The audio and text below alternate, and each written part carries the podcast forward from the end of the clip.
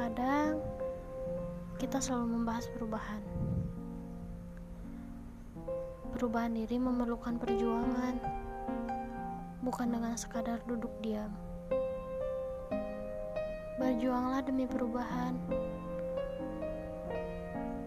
apalagi perubahan diri, dan perbetulkan keinginan kita.